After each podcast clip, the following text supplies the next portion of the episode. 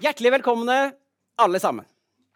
På slutten av 2018 våknet vi en dag til nyheten om at det var født to tvillingjenter i Kina. Det som gjorde tvillingjentene til en verdenssensasjon, var at de hadde fått endret sine gener mens de var embryoer. Forskerne som sto bak, hadde gått til det skrittet å endre genene til to helt friske embryoer. Tilnærmet alle trodde at det ville gå mange år før nyheten om eh, genredigerte barn skulle bli født, at det skulle ta lang tid. Selv om, og selv om nyheten var aldri så sjokkerende, så peker den ufravikelig både på muligheten om å kunne tilby en behandling til par med genetiske sykdommer de ikke ønsker å føre videre til sine egne barn, og til å designe ditt eget barn etter dine spesifikasjoner og ønsker. Mitt navn er Ole Johan Borge. Jeg er direktør i Bioteknologirådet og skal lede dagens samtale. Vi har invitert ulike personer.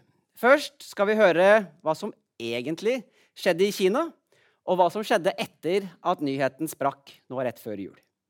Deretter kommer en ekspert i medisinsk genetikk som skal fortelle oss om hva som er mulig, og hvilke pasientgrupper genredigering av embryo kan være aktuelt for.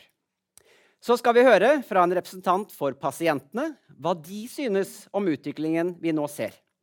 Så avslutter vi med en ekspert i medisinsk etikk som vil hjelpe oss i å sortere de nye dilemmaene og etiske utfordringene genredigering av embryo bringer med seg. Denne samtalen blir arrangert av Bioteknologirådet. Hjertelig velkomne til dere alle.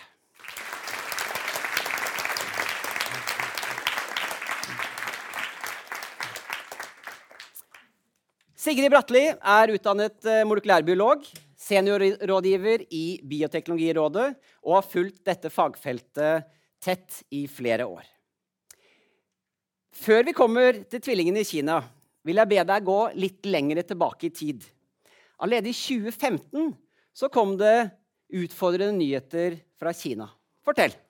Ja, det var jo nemlig i 2015 allerede at det var den første gangen noen hadde genredigert embryoer.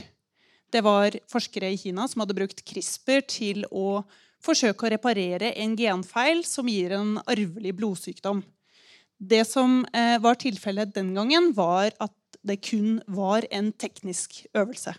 De hadde brukt ikke-levedyktige embryoer som var til overs etter assistert befruktning, bare for å teste det. De lovet det skulle ikke bli noen barn av det. Og det trodde vi på den gang. Mm. Eh, dette med CRISPR, det begrepet CRISPR har vært oppe, og metoden CRISPR har vi hørt om nå i forbindelse med tvillingen i Kina. Fortell kort, Hva er det CRISPR er for noe? Ja, CRISPR det er jo denne bioteknologiske revolusjonen som alle snakker om. Og den eh, var faktisk noe som forskere snublet over da de studerte yoghurt. CRISPR er nemlig egentlig et slags immunforsvar som bakterier bruker til å forsvare seg mot virusangrep. De har en eh, slags gensaks som klipper i stykker virusets DNA hvis de blir angrepet. Så var det noen forskere da, som i 2012 viste at de kunne justere litt på denne gensaksa og gjøre den til en universal gensaks, som ikke bare klipper virus-DNA, men et hvilket som helst DNA i en hvilken som helst celle i en hvilken som helst organisme. Og hvis du kan designe noe til å klippe på en spesifikk plass, hva skjer da? Ja, CRISPR lager jo egentlig bare et kutt. Men så har cellen ganske eh, fiffige måter å reparere sånne kutt på. Fordi eh, eh DNA med hull i det er ikke bra for en celle. Så da kan du måtte, lure den prosessen enten til å ta vekk noe, eller du kan sette inn noe, eller du kan bytte ut noe i der hvor kuttet har skjedd. Ja. Så du kan endre helt spesifikt i arvestoffet. Og det er det som disse kineserne brukte. Men la oss komme tilbake til det. Jeg vil høre hvordan verdenssamfunnet reagerte i 2015 når de kinesiske forskerne genredigerte menneskelige embryoer. Ja, De reagerte med store protester. Og det var eh, egentlig to hovedgrunner til det. Det ene var at eh, det var første gang noen hadde laget genetiske endringer som i teorien kunne gå i arv. Den andre grunnen var at eh, de også så at de hadde feilkutt i disse embryoene. Denne gensaksa hadde ikke vært så presis som de hadde håpet, og hadde også klippa feil sted. Og da reagerte folk med eh, egentlig vantro og sa at dette her er både medisinsk og etisk helt uforsvarlig. Denne typen forskning skal vi ikke drive med i det hele tatt. Det er, ryktes også at de beste vitenskapelige tidsskriftene ikke engang ville publisere studien fordi den var etisk såpass utfordrende. Og det var egentlig ganske bred enighet om at vi ikke skulle drive med det her. Men vi sitter jo her samlet i dag fordi at det stoppet ikke med det. Så hva skjedde for noe etter 2015, og når hele verdenssamfunnet sa nei takk, fy fy, dette vil vi ikke ha noe av? Ja, Det gikk jo ikke veldig lang tid før det kom nye forskningsstudier. Og i 2017 så kom det en som fikk ganske mye oppmerksomhet. Det var en amerikansk forskningsgruppe som hadde brukt eh, CRISPR på embryoer, eller befruktede egg, for å reparere en genfeil som gir hjertesykdom. Og denne gangen var det veldig annerledes enn i 2015. For det første så viste de, eller Resultatene indikerte at dette hadde vært presist og effektivt. Og I tillegg så var det en amerikansk forskningsgruppe. Det var ikke bare noe de dreiv med i Kina, som jo var litt av det de hadde sagt i 2015. Så denne gangen så publiserte de det i det anerkjente tidsskriftet Nature. Og det var få protester. Hvor hva slags, hva var, Si litt mer om responsen. da, Hva som skjedde når dette, disse amerikanerne publiserte Vi hadde jo da hørt Kina, ikke sant? og så sa du at de ikke fikk publisert, kanskje, og så kom det nå i Nature. Var det også helt rolig ellers?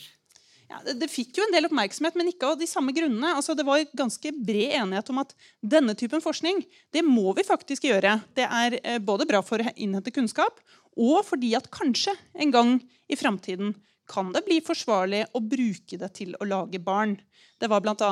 Eh, store organisasjoner som National Academy of Sciences og European Society of Human Genetics som uttalte at dersom det er trygt, hvis vi kan gjøre det presist, eh, og det ikke finnes andre gode alternativer for å få egne friske barn, så kan det være etisk forsvarlig å gjøre dette i framtiden. Men slapp av. Det er ingen grunn til panikk. Dette er bare forskning, og det er lenge til dette kommer til å bli brukt på barn, sa de. Dette var, da i 2017. Og så kom vi da til november i 2018. 26. november 2018. Over hele verdens nyhetsflater. Hva, hva, fortell hva som skjedde. Ja, Da våkna jeg og kunne da tune inn på YouTube for å se da den kinesiske forskeren Jiang Kui He eh, stolt proklamere at han hadde laget verdens første genredigerte barn. Han eh, hadde da altså endret på genene til to tvillingjenter før eh, de var laget, altså mens de fortsatt var befruktede egg. Det er altså første gangen noen har direkte gått inn og overstyrt det genetiske lotteriet. Så de endringene han har laget, vil også gå i arv til deres etterkommere. Vi har jo tenkt, og sånn forskningen har gått tidligere, at dette er noe man kanskje en gang der langt, langt fremme, på de alvorligste arvelige sykdommene. Hadde disse foreldrene alvorlig sykdom? Nei, de hadde ikke det. Du kan si at eh, Faren eh, til disse tvillingjentene han var hiv-smittet. Og det denne forskeren prøvde å gjøre, var å lage en genetisk endring som beskytter mot hiv-smitte i disse jentene. Nå er Det jo sånn at det var ikke egentlig noe risiko for at de skulle få hiv fra denne faren i utgangspunktet, men han gjorde det eh, mer som et sånn generelt prinsipp at da slipper de i hvert fall hiv-smitte en gang i framtiden. Det som er interessant, er jo at denne genetiske endringen, den genvarianten, den finnes naturlig hos ganske mange, særlig oss her i eh, Nord- og Vest-Europa. Opptil nesten 17% av nordmenn har en sånn genfeil, om man kan kalle det det, som beskytter mot hiv-smitte. Så han ville kopiere det da, i, til disse jentene.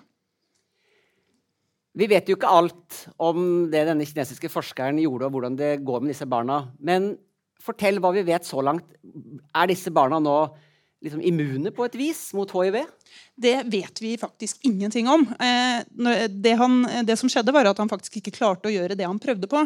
Så de fikk en helt annen genetisk endring enn det som var meningen. Den ene tvillingen vet vi ikke er resistent mot hiv, for hun fikk bare endret én av de to genkopiene som måtte endres. Man har én fra mor og én fra far.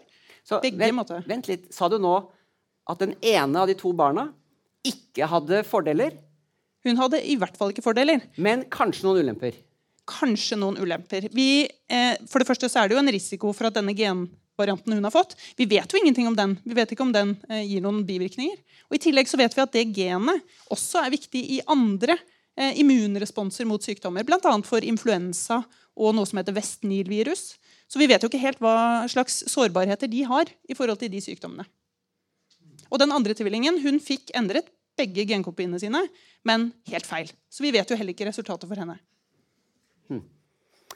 Vi kommer litt tilbake til senere for å høre hva, hva kan motivasjonen til en forsker være å gjøre et sånt forsøk med å ta så stor risiko. Men vil du si var dette til barnas beste? Eh, jeg vil si nei. Altså, de hadde jo ikke noe større risiko enn andre for å bli smittet av hiv. Og i tillegg så har de jo tatt en kjempestor risiko med at noe kan ha gått galt. Eh, vi vet jo ikke det. Så det er jo helt umulig å si noe om nytte og gevinst i denne sammenhengen her. Og så til spørsmål igjen. Hvordan reagerte verdenssamfunnet denne gangen? Ja, nok en gang, akkurat som i 2015, så har det da vært eh, egentlig sjokk og vantro fra et samlet vitenskapsmiljø og eh, egentlig generelt i befolkningen. Det var jo særlig dette at det var veldig uansvarlig, det han har gjort. Han har satt inn, eh, eller latt dette bli barn av noe han ikke hadde kontroll på. Det var en stor risiko. Og I tillegg så eh, har det jo ikke vært et reelt medisinsk behov for de jentene, og at det derfor ikke helt kunne forsvares. Og I tillegg så var det jo det var jo ikke noe åpenhet rundt dette. Han hadde gjort det i skjul. Så det var det veldig mange som reagerte på. Når det er sagt, så eh, kom det jo ekstra reaksjoner etterpå, hvor eh, mange miljøer sa at selv om dette forsøket er uetisk, så kan det hende prinsipielt at vi er for dette. Og vi ser at utviklingen går så fort at vi er nødt til å legge til rette for at vi finner en vei fram mot bruk som er kontrollert og trygg. Tusen takk, Sigrid Bratteli, seniorrådgiver i Bioteknologirådet.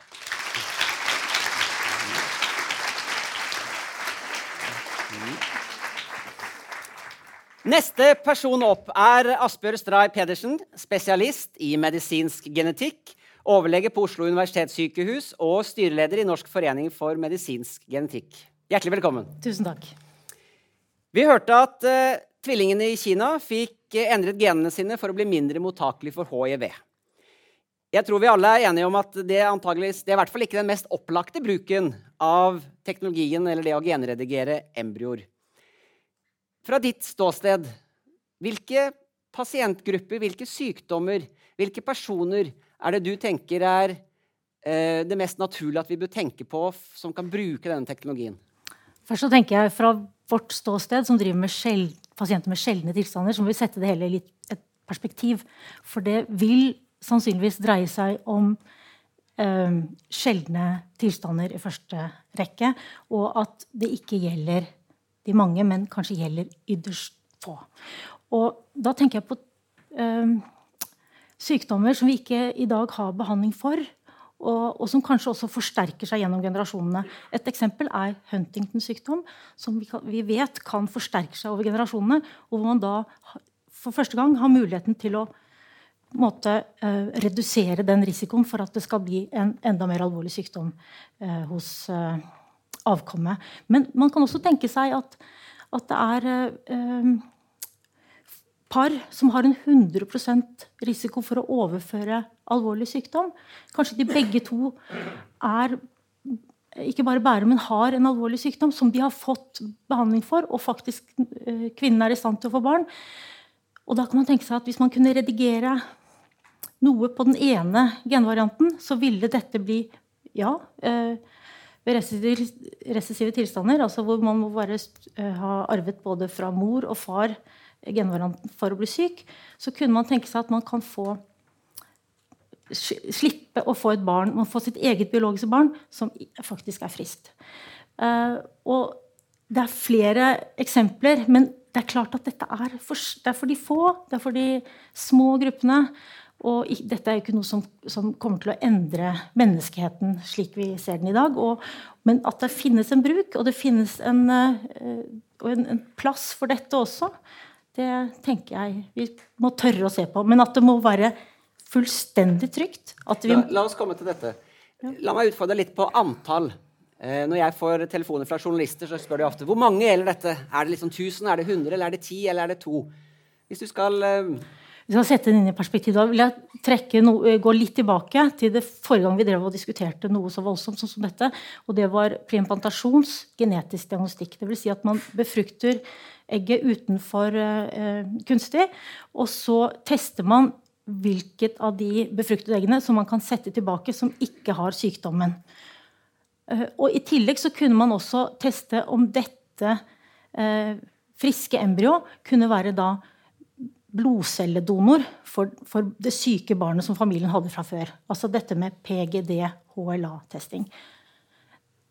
Vi vet at det er flere som har, et par som har søkt om dette her, men at det faktisk er ingen så vidt jeg vet, i Norge som har fått denne behandlingen, altså hvor søsken har kunnet være donor for, eh, for Altså et Født søsken har kunnet være donor for det levende barnet som hadde en alvorlig sykdom.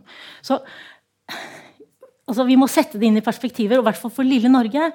Eh, så strengt som det endte opp i bioteknologilovgivning vedrørende denne PGD-behandlingen, eh, det gjorde at vi ikke har en eh, PGD-senter, et PGD-senter i Norge. Og det gjorde at, at, vi har blitt satt noe tilbake i forhold til å kunne behandle dette i Norge. Og det samme vil jeg tenke med dette. Norge er et bitte lite land. Dette er sjeldne ting som kanskje kan få sjeldne sykdommer hvor det kanskje kan være til hjelp, men at vi må sette det i en sammenheng. Og dette er nok ikke noe som nødvendigvis skal foregå i Norge. Du nevner PGT, PGD, det mm. å teste embryo og velge et embryo som ikke vil gi et sykt barn. Mm. Eh, som en mulighet eller som et alternativ. Hvilke andre alternativer er det par hvor begge har en genetisk eller en arvelig genetisk sykdom, slik at det er sikkert at barnet vil få den samme tilstanden? Man kan selvfølgelig, hvis man begge er bæren, ikke bare bærer, men har alvorlig sykdom, og de er en 100 overføringsrisiko, så, så, er det det å være, få sæddonor, eggdonasjon, det fins andre muligheter eh, per i dag, og, og, som er kanskje enklere enn dette, og som kanskje i hvert fall i dag gir en mindre risiko for det befruktede egg og det fosteret og det barnet som skal, skal, bæres frem. Og per i dag er dette en utrygg behandling. Det er ikke noe som vi kunne Men man må kunne se på at det kanskje kan gjelde, gjelde for noen veldig få. Og at de skal kanskje få tilbud om det. Før vi kommer dit, så tenker jeg dette med risiko. Mm. Eh, du kjenner jo en hel del til ulike teknologier for å både studere gener og kanskje også for å endre gener. Hva tenker du eh, Vi har jo to forsøk. Ett fra Kina fra 2015, hvor det var mye feilklipping. Og så har vi det fra 2017, hvor det var veldig lite feilklipping. Og så har vi de to barna nå hvor de ikke gikk akkurat sånn som de håpte, men de klippet kanskje ingen feil steder eller i noen andre gener. Hvordan tenker du å balansere dette med risiko versus nytte? Det, det, som var spesielt med det i Kina, var at dette var en slags forbedringsbehandling. Eh, de trengte ikke noe De var friske, i utgangspunktet friske eh, embryoer som ble friske, skulle bli friske barn. De trengte ikke dette. For å, de ville ikke bli alvorlig syke. Eh, men det, det, det, skal selvfølgelig, det er som alle andre legemidler. Det skal være, og spesielt hos barn, og spesielt når man redigerer det vi kaller um, germline, eller, eller de, det som vi um, Arvestoffer for generasjoner fremover. Altså, hun, det er, om det er noe som heter 100% eller 110% så må vi være helt sikre på at det ikke blir uh, ting som kan skade avkom, og også avkom i generasjoner fremover. Men forutsatt av det, så syns at dette er noe som vi må tørre å se på, og tørre å være litt progressive og tørre å tenke at det kan være at dette kan være til hjelp for noen veldig få, og at de kanskje skal få den hjelpen. La meg utfordre deg en gang til på dette med, med risiko. Er det sannsynlig at det vil bli helt sikkert?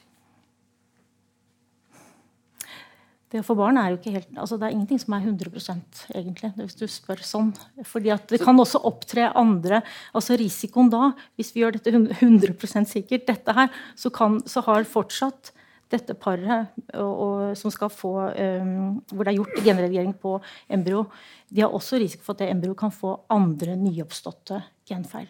Som faktisk, eh, og, og, da vil man tenke er, Det er jo ingen returbillett på et barn som er født sånn. Så da vil man tenke at, at det har en årsak i dette. Og det tok f.eks. lang tid før vi klarerte IVF, altså in vitro-fertilisering, kunstig befruktning i seg selv, eh, og, og, sa at det ikke kunne påføre skade til de barna som ble født. Det tok veldig lang tid, og nå vet vi at det er ikke sånn. at de, noen av de eventuelt økte risikoene kanskje kan være heller forbundet med, med det vi kaller infertiliteten til paret i seg selv. Og sånne ting ville man jo da kunne Vi ville være veldig, veldig forsiktige før vi tar dette i bruk. og, og det er klart at det er interessant at det kommer fra Kina, og da er vi alle skeptiske. Men så fort det er liksom europeisk eller amerikansk, så er vi med på en gang. Og sånn har det vært innenfor gentesting-miljøet eh, også. Så, eh, det har vært eh, veldig mye spennende som har kommet med Silkeveien.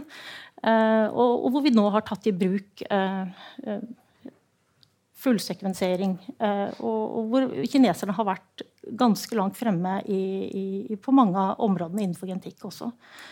Vi som følger dette feltet, er jo ikke overrasket over at det er Asia og kanskje Kina spesielt som står som en sterk driver for ny teknologi. Det ser vi på dette området og andre områder. Den skulle avslutningsvis be deg se inn i glasskula. Eh, vi hører jo at du tenderer til å være positiv til at dette her kan være noe som kan utvikle seg for, uh, for de få, og for eventuelt det, eh, de ytterst få som dette her kan være aktuelt for. Men så er det jo noe som Vi skal diskutere det snart med en etiker her. Eh, er det sannsynlig at vi klarer å, å, stoppe det, slik at vi ikke ender opp med å designe, som jeg sa innledningsvis, at vi, vi, vi spesifiserer våre, våre, egne barn eller våre eh, vår fremtidige generasjon i vårt bilde? Klarer vi å holde det på ditt område, som er de sjeldne genetiske sykdommene? Jeg vil jo håpe det. Jeg, jeg, vi bør regulere dette sånn at det vil uh, hvis, så, hvis, vi, hvis, vi, lar være å regulere det, hvis vi har skylappene på og ikke, ikke uh, setter i gang og, og, og la det foregå på åpen scene, så, så, vil vi få det, kanskje det problemet, og så vil det kunne skje ting som ikke er greit i det hele tatt. Men um, ja, jeg, jeg, jeg, tenker at det er uh, Dette er noe som vi må tørre å se på. Det er heller det Hvis jeg skal være realistisk, så tenker jeg at dette er noe vi diskuterer i teori. Dette er ikke praksis i Norge på mange, mange, mange, mange år. Og det er kanskje veldig få i Norge som i det hele tatt vil i det hele tatt kunne få tilbud om dette. Hvis vi skal være helt realistiske. Så det er interessant fra et menneskelig perspektiv og et etisk perspektiv. Og det er klart at vi må drøfte disse tingene. Men, men det, er, det, må være lov å se på det med et litt åpent blikk og tenke at det kan være at det kan være til hjelp for noen av disse med alvorlige, sjeldne sykdommer. Mm. Tusen takk så langt. Asbjørg Stray eh, Pedersen, spesialist i medisinsk genetikk ved Oslo universitetssykehus.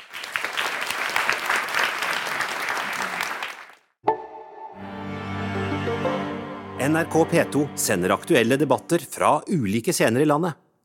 Du hører Debatt i P2. Velkommen, Lill Ann Elvestad, generalsekretær i Funksjonshemmedes Fellesorganisasjon. Med mer enn 335 000 medlemmer er dere Norges største paraplyorganisasjon for eh, organisasjoner av funksjonshemmede og kronisk syke. I Funksjonshemmedes Fellesorganisasjon representerer du medlemmer som lever med ulike funksjonshemminger. Og det er akkurat dine medlemmer, eller blant dine medlemmer, så kan vi finne de som kanskje en dag får valget om å ta denne teknologien i bruk. Hvilke tanker gjør du deg om det? Først og fremst at dette er et vanskelig spørsmål. Um, og så er det en vanskelig rolle å skulle gjøre seg noen tanker på vegne av så mange og så forskjellige. Uh, både organisasjoner, men ikke minst individer. Eh, først og fremst så er Funksjonshemmedes Fellesorganisasjon vi har en oppgave å, å, jobbe for at eh, de som har en sykdom eller eh, lever med en funksjonshemming, får et best mulig liv, at de blir likestilt, og, og at barrierene til det samfunnet vi lever i da, gjør at de hva skal jeg si, kan leve godt med det de har. Men så er det jo også sånn at våre pasientorganisasjoner de jobber jo kontinuerlig for at man skal få den best mulige behandlingen i et uh, veldig godt helsevesen som vi har i dag. Og uh, vi vet alle hvor heldige vi er som bor i dette landet.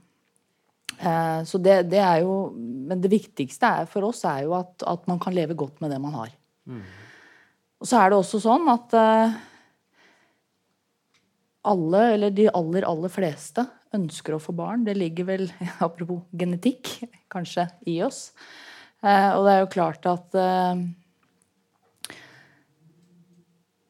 det er helt diagnoseuavhengig. Og de som eventuelt har en svært alvorlig eh, sykdom som de vet går i arv, de må på en måte ha et bevisst forhold til det. Og kanskje i ytterste konsekvens velge å ikke få barn, med mindre man har mulighet til å få, få annen type hjelp. Så det men, men, jeg tror at det viktigste, og jeg tror de valgene er veldig individuelle. Sykdommene er forskjellige. Um, Uh, og det er både diagnoseforskjellighet, men også individer. Vi har ulike verdisett uh, å ta hensyn til. Så, så sånn sett så, så, er det en uh, Hva skal jeg si Det er vanskelig å ta ett et, et, svar. Men jeg tror det som, som, du var inne på i forhold til alvorlighet og de, de ytterste alvorlige sykdommene som vi vet det er store, store lidelser til, og som kanskje bidrar til en en tidlig død eller store smerter. Det er jo klart at det kan godt hende at det er en forutsatt at ting er sikkert og godt, at det er et ønske om å ta det i bruk i framtiden. Eh, men jeg tror det er viktig at man, man, man Det etiske i det og, og, Ja, det er mange ting. Men, jeg, men, det som er viktig, er jo som har vært fram til i dag. Man tar stilling til noe som gjelder ens eget liv. Her snakker vi om fremtidens generasjoner. Det gjør det litt vanskeligere. Hvordan Du snakket om dette med risiko hvis det er trygt. Ehm, det er dine medlemmer som kjenner best av alle hvordan det er å leve med en tilstand, en sykdom, en funksjonshemming. Tror du, hvordan, hvordan i den grad prøve å sette oss eh, om du vil, inn i hodet, eller eh, beskrive noen av de tankene når du skal vurdere et mulig fremtidig barn. Sannsynligheten for at det barnet kommer til å bli helt funksjonsfriskt, mm. versus å kanskje dra på seg en, få en um, avhengig av teknologi, noe helt annet. Sett at det er 1 eller 2% risiko for at det går ordentlig gærent. Eh, hvordan vil man balansere den kost-nytte, den risiko, versus muligheten for å få et barn som ikke har samme tilstand, eh, sykdom som en selv? Det er det som gjør det så eh, dette er jo fryktelig vanskelig. For det første, som, altså det å, å, gå gjennom en medisinsk behandling er ikke risikofritt. Eh, og det å få barn er heller ikke risikofritt. Og det er, det er mye risiko men vi gjør det, og vi aksepterer det fordi at vi gjør valg for eget liv. Vi gjør det for vår egen situasjon i dag. Ehm, vi, vi tar, hva skal jeg si, vi vurderer risikoen ut opp mot forventet nytte. Og den kan mange være villige til å ta stor risiko på. Men, men da har du på en måte, du, du gjør det med ditt eget, ditt eget, uh, ditt eget ståsted. Her snakker vi om å ta hva skal jeg ta risiko på vegne av generasjoner. Og det er jo klart Kravet til sikkerhet blir jo enorm. Og har vi den myndigheten, eller det, det, det, den, altså Skal vi ha den rollen? Eh, det skal bli spennende å høre hva etikeren sier etterpå. Eh, for jeg syns det er eh, Altså, er det et ansvar Men, men, men altså, har vi den myndigheten? Har vi den rollen? Men er det også kanskje et ansvar vi skal ta? For de mest, mest, mest uh, alvorlige. Eh, altså Jeg har ikke noe svar på det, men jeg tenker at, og det, og det gjør denne debatten veldig vanskelig. Da, fordi at du, du balanserer risiko-nytte ikke mot ditt eget liv, men mot det som kommer etter deg. Um. Du har vært litt inne på det, men eh, det er mange som vil gjøre mye for å bli, eh, for å bli funksjonsfrisk. Mens for andre så er kanskje identiteten, jeget, er koblet til nettopp den funksjonshemmingen som man har. Så det å eventuelt hindre et barn i å få, en, få den samme tilstanden, det, det, gjør at man kommer kanskje i, en annen sosial kontekst. Tenker du at eh, de perspektivene, henholdsvis det å, å, få et friskt barn på den ene siden, og det å frata kanskje uh, dette med identitet knyttet til tilstand, vil de, de samme eh, vurderingene komme inn i debatten sånn når dere skal ha denne debatten etter hvert i deres fagmiljøer? For det første så tror jeg at ingen ønsker å bli definert av sin funksjonshemming. Snarere tvert imot. Eh, men det er klart at eh, det å ha en funksjonshemming vil nok ofte prege livet. Men eh, jeg tror det er veldig individuelt hvordan det oppleves. Noen lever veldig godt med det. Andre strever. Og jeg tror det hele nøkkelen til det er jo hvordan samfunnet er tilrettelagt sånn at de barrierene blir minst mulig. Men det er klart at igjen og diagnosen og funksjonshemming er jo forskjellig. Mange, opplever jo store smerter. Um, det å ha plager, det å ha gjentagende behandlinger, det å oppleve hindre, ikke kunne få en utdanning, ikke gå på skole, ikke få en jobb. Altså, så, det er jo mange som på en måte ser en del konsekvenser, og jeg tror det er jo litt, litt det at vi, vi, ønsker å gi så mange muligheter som mulig. Eh, og så må det være tillatt å gjøre sine valg ut fra hvordan man opplever det. Og det, det er jo klart at den eh, altså si, Ja, diagnosene er forskjellige, men, men, det er jo veldig forskjellig hvordan disse diagnosene får utslag og konsekvenser for eget liv. Så det er, eh, er ikke lette svar. For å følge opp det, så, så opplever vi ofte at eh, når vi diskuterer lovgivningen på bioteknologiområdet, så diskuterer man dels dilemmaet mellom enkeltindividets frihet på den ene siden, og på den andre side, siden idealet om en samfunn der det er plass til alle, og at ingen skal diskrimineres på bakgrunn av sitt arvestoff. Mm. Kan det tenkes en situasjon hvor disse teknologiene utvikler seg, og det kan være til og med en, en hel diagnosegruppe eh, som nå får tilbud om en behandling som gjør at den behandlingen, gitt at du kjenner til den, så kan de eh, forhindre, eller de kan velge å ikke få barn med samme tilstand. Hvordan vil du resonnere rundt det forhold?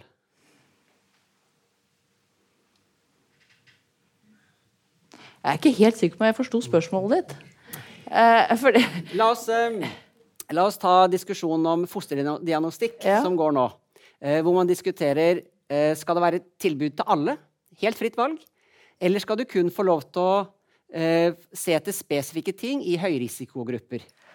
Altså, jeg, jeg, tror jo at det der Det syns jeg blir veldig, veldig vanskelig. Og, det handler jo om ut fra hvilke muligheter, hvilke diagnoser er det du snakker om, hvilke hva, hva, er, hva er konsekvensen og hva er risikoen? Jeg tror at det som er Eh, viktig er jo å for det første eh, ha en eh, Hvis man skal vurdere å tilby noe, så må det være hva skal jeg si, alvorlig nok å, å, å ha en eh, Hva skal jeg si hvis, og, og, så, så, god sikkerhet til å tilby det som mulig. Og så er det jo klart at eh, vi, altså I hvilken grad det skal tilbys til hvem, det må jo bli en vurdering ut fra fra hvilken nytte det er, og hvilken kostnad det er, eh, tenker jeg. Jeg syns uh, ja. ja det, det, blir litt veldig langt fram, kjenner jeg. Håp for, for, men, men jeg, for, jeg, for, jeg, tenker at her er det veldig mange steg vi er nødt til å, å ta før vi kommer dit. Uh, jeg tror at det som er veldig veldig viktig jeg, Dette er ganske ny debatt for oss. Jeg tror det er kjempeviktig at dette er en debatt som også våre organisasjoner må ta kanskje ikke en debatt, men en samtale eh, med organisasjonene. Dette er ikke noe vi har noe fastlagt program på. Det fins ikke ja eller nei-svar. Tenker jeg i hvert fall ikke ennå. Dette er noe litt sånn forsiktig prøving. Mm. Tusen hjertelig takk. Lillian Elvestad, generalsekretær i Funksjonshemmedes Fellesorganisasjon.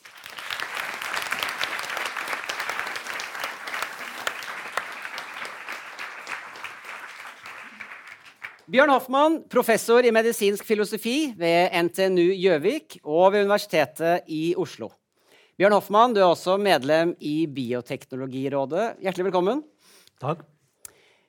Endringer av gener i kjønnsceller og embryo har frem til nå helt nylig vært ansett som en etisk grense som har vært komplett uakseptabelt, uetisk å krysse. Hvorfor har det vært sånn? Hvis du glemmer de siste fire årene nå, late som at vi hadde samtalen. Hvorfor er det helt uetisk å krysse den grensen? Det har vært mange argumenter både for og mot uh, genredigering. Noen er gode, og noen er dårlige. Uh, noen av de argumentene som har problematisert genredigering opp gjennom historien, har vært for det første at her gjør vi noe helt radikalt nytt. Altså Det er første gang Ja, men Nå vil jeg at du svarer kun på hvorfor var det helt uetisk stille. Det var ingen som, tror jeg, liksom sto på barrikadene og sa at jeg vil redigere i kjønnsceller som skal gå til arv i evig tid. Jeg, jeg tror at uh, Ja, det er jo fordi det går i generasjoner. Altså, ja. Man påfører en endring. Man tar grep i vår egen evolusjon. Noe som er helt radikalt nytt i forhold til hva vi har gjort tidligere. Altså Tidligere så har vi på en måte vært gitt, eh, prisgitt naturens gang og naturens evolusjon. Men nå har vi muligheten til å gripe inn i denne evolusjonen eh, selv. Og det er radikalt nytt. I tillegg så tror jeg nok en del har tenkt at dette er så eh, banebrytende at vi har ikke kontroll på konsekvensene. Eh, konsekvensene kommer kanskje først om noen generasjoner. Hvordan vil menneskeheten utvikle seg som følge av dette? Og, og det har vært helt eh, uhåndterlig tidligere. Altså, vi har ikke tenkt at dette er noe som vi kan ikke se så langt framover. Og vi kan heller ikke ta ansvar eh, for det. For vi har liksom tenkt altså, Måten å regulere teknologi og menneskelige handlinger på har vært knyttet til at jo, men vi har kontroll på det vi gjør, og derfor har vi ansvar. Men når vi får eh, endringer, eksempelvis i gener som kommer i generasjoner framover, ikke vet hvilke utilsiktede konsekvenser det får, så er det vanskeligere å ha kontroll og vanskeligere å ha ansvar også. Eh, fra 2015, når de første kinesiske forsøkene kom, og til 2017 så var det en, en stor utvikling både i opinion og hos etikere og i ulike etiske tenketanker. Er det sånn at vi er ikke mer prinsippfaste enn at så snart teknologien gjør noe mulig, så vender vi rundt på krona og er eh, så optimistiske og tenker på å se bare muligheten som ligger foran oss? Nei, Jeg tror det er mange grunner til at uh, det har endret seg noe. Altså, jeg tror uh, For mange så har det vært at vi har hatt uartikulerte og ubegrunnede uh, magefølelser som vi har basert oss på, og de har sprukket som trollet for sola. Det kan være én begrunnelse. En annen begrunnelse er at genredigering har blitt kraftig hypa. Altså, veldig mange har sagt at ja, dette er en teknologi som er både, hvis den er både sikker og effektiv. Hva kan da være galt med den? Og så har man ikke sett at jo, men kanskje noen av disse problemområdene de er ikke så konkrete, så håndfaste som de godene, nyttige formålene som vi ser for oss, de er mer diffuse, de ligger langt fram i tid. Så det er blitt vanskeligere på en måte å balansere og ta inn over seg det i, eh, i debatten. Så tror jeg kanskje også noe er knytta til en form for fatalisme, nihilisme eller teknologideterminisme. altså Teknologien styrer utviklingen. Her kommer det noe som vi ikke har kontroll på. Og det er klart at Tvillingene i Kina er et sånt eksempel på det at folk kanskje føler en sånn avmaktsfølelse. Men samtidig så bør de kanskje samtidig tenke at nei, men her skjer det jo ting uten kontroll. Vi bør ta kontroll. Dette er jo nettopp en grunn til å forsøke å styre utviklingen, slik at vi får den, det utbyttet av denne teknologien som vi ønsker, og klarer å unngå noe av det som vi ikke ønsker. Og Et av de argumentene som var framme i diskusjonen, er at ja, men tenk hva som hadde skjedd hvis Hitler hadde hatt tilgang på denne formen for teknologi. Det kan du si at det er et hypotetisk spørsmål, men det vi bør reise oss, er hvordan skal vi sikre oss at fremtidens ledere av typen Hitler ikke kan bruke teknologien til det som kanskje Hitler ville ha brukt den til. Og Der viser jo dette eksempelet i Kina at nei, det har vi kanskje ikke så gode systemer for. Det er litt sånn tilfeldig, sånn som du nevner, at ja, plutselig er vi for, og så det, går det fra Kina til USA, så blir det plutselig mye mer stuerent. Det ligger ingen grundig vurdering bak dette. For å trekke den parallellen du drar opp litt, litt lenger Sett at vi om 20 år fra i dag har fått en hel del erfaring med denne metoden. Eh, forsket eh, masse på den, både i Kina og for den saks skyld i, i, Norge. Kan det tenkes at, hvis, at debatten er helt snudd? At det vil være uetisk ikke å genredigere et embryo som, som har forhøyet risiko for sykdom? Så at du plikter til å redigere. Eh, det kan selvfølgelig tenkes, men husk på premissene dine. Det er sikkert, og det er effektivt. Og hvis du skal tenke gjennom hvordan skal vi vise at denne teknologien er både sikker og effektiv Vi har mange spørsmål som vi må besvare før vi kommer til det. Er det uetisk ikke å bruke det? Men det kan godt tenkes at man kommer i en situasjon hvor man eh, vil komme til at nei, det, det, det, kan være uetisk. Men jeg tenker det er så mange ting som må avgjøres før vi kan ta tak på det problemet. Og hvis vi hopper rett på det problemet og bruker det til å gjøre det som kanskje er mulig i morgen, så mister vi veldig viktige steg på veien, kanskje. NRK P2 sender aktuelle debatter fra ulike scener i landet. Du hører Debatt i P2. Et spørsmål Du nevnte dette med regulering og kontroll. Flere tar nå ordet for at eh, ja, vi bør etablere et regelverk, vi må ta kontroll. Men ikke et regelverk som sier nei, dette er forbudt. Men et regelverk som sier kanskje ja, men det må være som du sier, eh, trygt og så godt som fritt for risiko. Er det en fare for at et sånt regelverk vil være en driver for nettopp forskningen, slik at vi ender opp med å genredigere embryo fortere enn hvis storsamfunnet har sagt nei takk, dette er en teknologi vi ikke ønsker? Eh, det, altså jeg er jo forsker og ikke profet, eh, så det er vanskelig selvfølgelig å anta hva som eh, vil skje. Og hvor effektive er regelverk, det kan man selvfølgelig også spekulere i. Og hvordan omgås de, og, og, hvordan kan de bidra til å fremme noe som man i utgangspunktet ikke ville. Det syns jeg er veldig vanskelig å, å, å si veldig mye om. Altså. Men det tror jeg er veldig viktig hvis vi ikke tar grep mens vi på en måte har utviklingen sånn noenlunde under kontroll, og mens vi har en sånn rimelig oversikt over hva som skjer, så kommer vi i hvert fall eh, i bakleksa. Og da vil kanskje noen av de som advarer mot en sånn orleansk Brave New World, ha større sannsynlighet for å få rett. Altså, så vi er på et vis nødt til å ta tak. Jeg tror det er to ting som vi må gjøre. og Det ene er ikke å bli så fascinert av mulighetene at vi glemmer å ta opp og ta inn over oss. Og virkelig grunne på de vanskelige spørsmålene.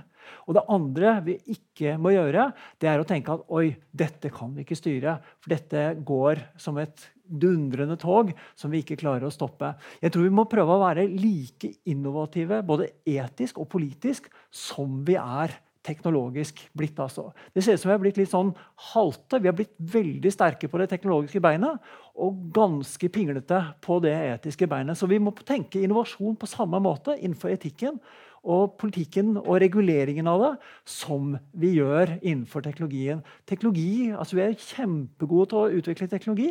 Hvorfor kan vi ikke bli like gode til å utvikle reguleringssystemer som gjør at vi klarer å håndtere teknologien til beste for folk? altså? Kort spørsmål til slutt er at På teknologiområder hvor teknologien kan både kan brukes til det gode og til mindre gode formål og Jf. dette caset så kan man tenke at det kan være svært alvorlig sykdom på den ene siden, og, og hiv eller forbedre ulike egenskaper på den andre. Sånn som du ser det, Er vi i stand til å være innovative nok på regelverket, slik at vi eventuelt kan åpne for det ene, men sette foten ned for det andre? Igjen så ble jeg utfordra til å være profet, og jeg tror jeg er utrolig dårlig som, eh, som profet. Men jeg tenker det går an å være litt optimistisk da, og, tenke at jo, kanskje kan vi eh, klare hvis vi starter tidlig nok, sånn som man da eksempelvis gjør i denne debatten. som det er helt åpenbart, Dette er jo ikke noen teknologi som brukes på mennesker i Norge. Kommer ikke til kanskje å bli brukt på det på lang tid. Men det at vi diskuterer det, det at vi på en måte graver, borer litt i det, det gjør kanskje at vi klarer å ha en form for eh, beredskap beredskap eh, på det. Men jeg er fortsatt forsker og ikke profet. Tusen takk, eh, Bjørn Hoffmann, professor i medisinsk filosofi ved NTNU og Universitetet i Oslo, og medlem i Bioteknologirådet.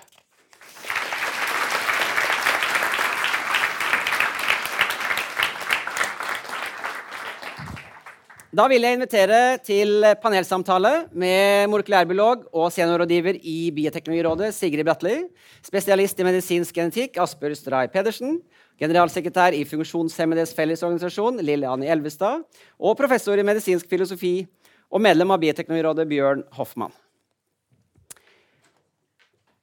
Vi var litt inne på det, eh, Sigrid Bratteli. Er det sånn at eh, så lenge noe er teknologisk mulig, så vil det bli gjort? Altså, Vi ser jo nok av eksempler på at folk er villige til å gå ganske langt for det de tror på. Og det kan jo være ideologiske årsaker til det. Eller det kan være rett og slett bare for heder og ære. Og I det tilfellet i Kina her, så tror jeg faktisk at det var litt av begge deler. Han, eh, den forskeren som sto bak, han sto jo faktisk opp på scenen på en kjempestor konferanse et par dager etter denne nyheten sprakk, og forsvarte det han gjorde. Han mente helt oppriktig at dette her var bra for menneskeheten. Samtidig så sa han jo i YouTube-videoen sin at han så for seg at det kom en nobelpris ut av dette. Så han hadde kanskje litt ulike motivasjoner. Eh, jeg tror det som gjør det spesielt denne gangen, også er fordi at den teknologien her er mer tilgjengelig enn tidligere teknologier har vært. Og jeg tror, Det, det ryktes jo at det er enda et CRISPR-barn på vei. Og jeg tror at dette her kommer også til å skje i andre deler av verden. Spørsmålet nå er jo om vi får høre om det. Nå varslet, ble det varslet i dag av kinesiske myndigheter at han antagelig har brutt regelverket og eh, står overfor en tiltale. Så om folk tør å si det høyt, det er et annet spørsmål. Eh, Bjørn Hoffmann, eh, du sa jeg utfordret deg som eh, dine profetiske eh, evner. men det har jo vært Status inntil helt nylig har vært at en hel verden ikke ønsker et genredigert barn. Vi trodde først ikke det var mulig, og i den grad man trodde det var mulig, så var det ingen som ønsket det fordi det var for stor risiko. Likevel så ser vi at det kommer. Er det Eller blir man desillusjonert med å jobbe med, med medisinsk etikk når sånne nyheter kommer? Eh, man blir nok veldig nysgjerrig og i og for seg veldig engasjert. Eh, fordi eh, Hvis vi ser på reaksjonene eh, på disse eh, tvillingene i Kina, så var jo den enorm. Eh, også blant kinesiske forskere. Altså, så jeg tenker det, det, er mer nyansert enn at vi plutselig er mot, og så er vi for, og så er vi mot igjen. Men det er en sånn pågående debatt hvor argumenter brynes mot hverandre. og jeg tenker Det er en, en del av dette. Det som da kanskje hadde håpet at vi kunne ta den diskusjonen eh, i forkant og ha en form for beredskap for å være rusta til eh, hva vi skal gjøre i framtida, istedenfor å løpe etter eh, den type forsøk. Og det er klart at eh, Veldig tidlig så var jo forskerne på banen selv og sa at dette må vi ha kontroll på. Dette er en så kraftfull teknologi, så den må vi eh, regulere også internasjonalt. Eh, vi har ikke noe sånt eh, regelverk på plass. Det er mange eh, organisasjoner som forsøker å regulere det, men vi har ikke noe på plass ennå. Og kanskje er denne saken med på å, å få noe på plass. Og mange vil håpe det. Apropos løpe etter latikken og jussen løper etter. I Norge så har vi jo bioteknologi, bioteknologiloven, som har forbudt dette i svært mange år allerede. Og alle land som har et regelverk på dette området, har jo også hatt et forbud. Så, så, jeg vil jo si at uh, dette er eksempel på hvor regelverket har gått foran. Men likevel så er det ikke til hjelp. Men, men regelverket har ikke eh, sett for seg akkurat eh, denne formen for teknologi. Og regelverket har heller ikke sett for seg de mulighetene som denne teknologien gir. Så med en gang man får noen konkrete anvendelser, eksempelvis noen som kan reddes, eh, og i dette tilfellet var jo det kinesiske eksempelet forholdsvis dårlig, så blir det vanskeligere å stå imot, og så kommer presset eh, for å endre det. Så det på en måte å gjenta begrunnelsen for de regelverkene som man har, ikke bare de som er laget og utviklet med tanke på tidligere tiders teknologi, men også for nåværende og fremtidens teknologi er det viktig å, å gi gode begrunnelser for. Jeg tenker på deg, Lillian Elvestad. Den kinesiske forskeren han, han skjøv hiv-pasientene og hvor stigmatiserende det er å ha hiv i Kina, foran seg som et argument eh, og som et rasjonal for hvorfor han gjorde dette. Hvordan tenker du vil i hvilken grad blir pasienter enten brukt som et gissel, i det tilfellet som jeg tror vi kan si i Kina, eller som en brekkstang? for å tvinge gjennom regelverksendring. Eh, Asbjørn Stray Pedersen var inne på Mehmet-saken, eller det med HLA PGD, hvor en pasient blir brukt som en brekkstang for å endre regelverket. Ja, eh, all medisinsk utvikling er vel i det godes tjeneste og pasientens uh, håp om å finne en, en, kur. Men jeg tror uh, i hvert fall altså, i hvilken grad hva slags motiver eller hvordan medisinerne eller forskerne eller ja, eh, bruker pasientene, så tenker jeg jo i hvert fall at eh, mange pasienter eh, ønsker jo den beste behandlingen, eller alle pasienter ønsker jo det. Når det gjelder denne type teknologi, så er det jo klart at her har ikke pasienten, tror jeg, hatt uh, mulighet til å forestille hva som var mulig, tror jeg. Så, så, så da blir det jo ofte hva skal jeg si, eh, forskerens eh, ser muligheter, og så er jo på en måte målet pasientene, uavhengig om man mener det er riktig eller galt. Så jeg tenker jo at eh, Men, men det er jo, det er, altså det er jo en, en, et område som vi som pasientorganisasjon må passe veldig godt på, fordi at man kan fort bli brukt som at dette er noe pasientene selv ønsker. Jeg tror vi pasientorganisasjonene og, og, pasientene selv, vi forholder oss til de mulighetene som ligger i dag. Og så er, jobber vi vel kanskje aktivt for å ta i bruk de mulighetene som faktisk er der, og som vi vet er hva skal jeg si, forskningsmessig både dokumenterte og, og gode, som vi, som vi, er opptatt av. Men det er jo klart eh, eh Pasienter kan jo fort bli brukt. De er i sårbare situasjoner eh, i forhold til en behandling, selvfølgelig. Så det, det må passes på. Eh, og jeg tror det er eh, kanskje en av grunnene til at pasientorganisasjonene er så viktige. For vi klarer å se helheten kanskje litt bedre enn den enkelte. Mm.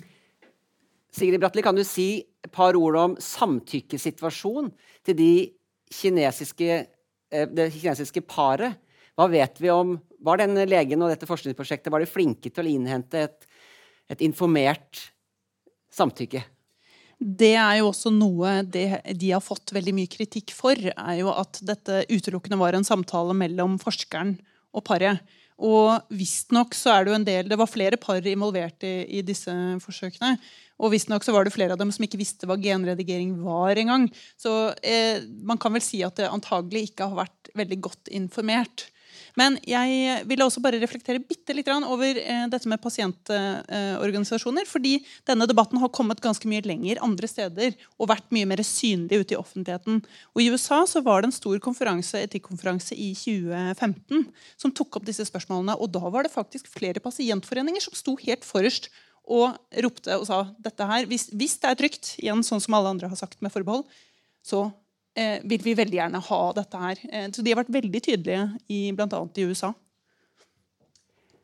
Eh, Asbjørn Stray Pedersen, kan du kommentere rundt pasientorganisasjoner som en pådriver, eller som noe som du bruker som en brekkstang for å få det som du vil? Jeg vil heller si at Vi har opplevd i siste at pasientforeningene og pasienter og foreldre til pasienter er enorme pådrivere eh, i positiv forstand. Men det er klart at vi kan eh, som fagfolk oppleve at vi, vi står i, i, i motvind eh, i forhold til å, å, å, at vi helst ville hatt behandlingen i går, hvis den er trygg og sikker. I forhold til dette som har vært oppe, som kanskje ikke er genredigering av eh, embryo, men eh, spinal eh, muskelatrofi-behandling. Der har vi sett en enorm kraft som pasientforeningen har hatt for å kunne få gjennomført og få tilgang til eh, medisiner. Og det vil vi kunne se på de andre behandlingene som kommer nå med genterapi for alvorlig sjeldne sykdommer, hvor det er ingen eller lite effektiv behandling. Det kommer nå, og det kommer til å bli en storm fra pasientforeningen. Og det her handler ikke om å stagge, men å, å spille på lag med. og få å forstå deres frustrasjon i at det tar så lang tid å få ting godkjent før det kan hjelpe deres barn og deres avkom og dem selv. Så jeg vil heller si at det, ikke, det er ikke en brekkstang, det er heller det at vi, vi, må stå i denne stormen. fordi hvis det først kommer noe, så det å kunne vente da på kliniske studier, det er, det er ikke så lett å, å, få det til. Og vi forstår jo at, at det er at man vil gjerne ha behandling så fort som mulig hvis det, hvis det fungerer. Eh, selv om det hjelper bare litt, så kan det være en veldig, veldig viktig behandling. Eh, og også har jeg sett det i forhold til dette med at vi innførte i nyfødtscreening jeg jobber, eh, screening for alvorlig immunsvikt fordi det kan behandles tidlig. Det er også pasientorganisasjonen som, som var med på å gjøre at vi fikk innført det mye fortere enn ellers. Så jeg vil heller si at det er der pasientene i dag og brukerne, det er de som har en, måte, en del mer makt enn eh, en helsearbeidere i denne situasjonen. Lillian Elvestad, vil du kommentere på det? Det er dere som sitter på makta her. Ja. men eh, altså, jeg, jeg, det, det, det, skal jeg ikke uttale meg så mye om. Men det er klart, altså, det, finnes det en behandling, så er det jo veldig mange som, som gjerne vil få tilgang på den behandlingen eh, fort og så godt som mulig. Jeg kjenner jo godt eh, Spinraza-saken, og, og, at det kommer eh, medisin. Jeg tenker at det, Og det er viktig at, eh, at man får dokumentert og vurdert effekten. At eh, pasienten også er med i de vurderingene av, av det. Men, men, og, og sånn sett. Men, jeg, men jeg tror det er, det er litt den vi, vi, er pådrivere for å ta i bruk den eksisterende behandlingen. Eh, der er, vi, der er nok pasientorganisasjonene ivrige, og det er klart det er fullt forståelig. Det, jeg skal si en kommentar. Det er jo det at vi må spille på lag ja, sammen. Eh, og samtidig ha etikken med oss. Men, mm. Den siste tiden i Norge så har eh, abortlovens paragraf 2c vært mye diskutert. Det om muligheten for å abortere fostre med alvorlig sykdom har vært diskutert i de aller fleste fora. Om man tenker seg genredigering av embryo, så er det ikke å, fjerne et helt embryo. Det er å fjerne én egenskap i et embryo. Og sånn som Den kinesiske forskeren han kalte dette her kirurgi. Genkirurgi. Eh, og kirurgi er jo noe vi liker. Så Bjørn Hoffmann, er det, er det en etisk oppside gjennom denne teknologien? Om det er en etisk oppside? Ja. altså Det som er veldig viktig, at, og det har vi i alle tider vært veldig positive til Hvis det er mulige, effektive, sikre behandlinger for veldig alvorlige sykdommer som ikke finnes alternativer til, så er vi positive til det. Og også med tanke på, vi er villige til å gå ganske langt i, med tanke på å tåle risiko for det. Så det har vi på et vis lange tradisjoner til. Men dette er jo en helt ny type teknologi, hvor nettopp spørsmålet er hvor sikkert er det? Hvor effektivt er det? Og hvis du tenker sånn som eh, de andre også var inne på tidligere Vi må ha studier som viser at dette fungerer. Men hvordan får vi sånne studier? Hvor mange generasjoner skal de gå over? Hvem skal betale de? Hvor sjeldne skal sykdommene være? Så vi har på en måte en god del spørsmål å ta tak i før vi liksom uh, går på de der uh, litt for enkle spørsmålene. Sigrid Bratli, det har vært uh, noen opinion- eller meningsmålinger hva, hva sier folket om denne teknologien? Eh, ja, det har blitt gjort noen få undersøkelser på dette, bl.a. i USA og i Storbritannia. Og eh, det som eh, går igjen i disse, er at flertallet, dvs. Si rundt to tredjedeler omtrent av de som ble spurt, var positive til både vanlig genterapi, men også arvelige endringer i embryoer dersom det handlet om å forebygge alvorlig sykdom. Det de var negative til, eh, de fleste av dem, var å bruke det til forbedring av egenskaper som ikke har noe med sykdom å gjøre.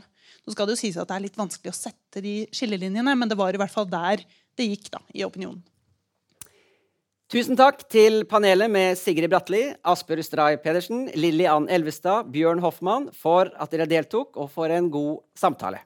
Jeg er Ole Johan Borge i Bioteknologirådet og takker for følget.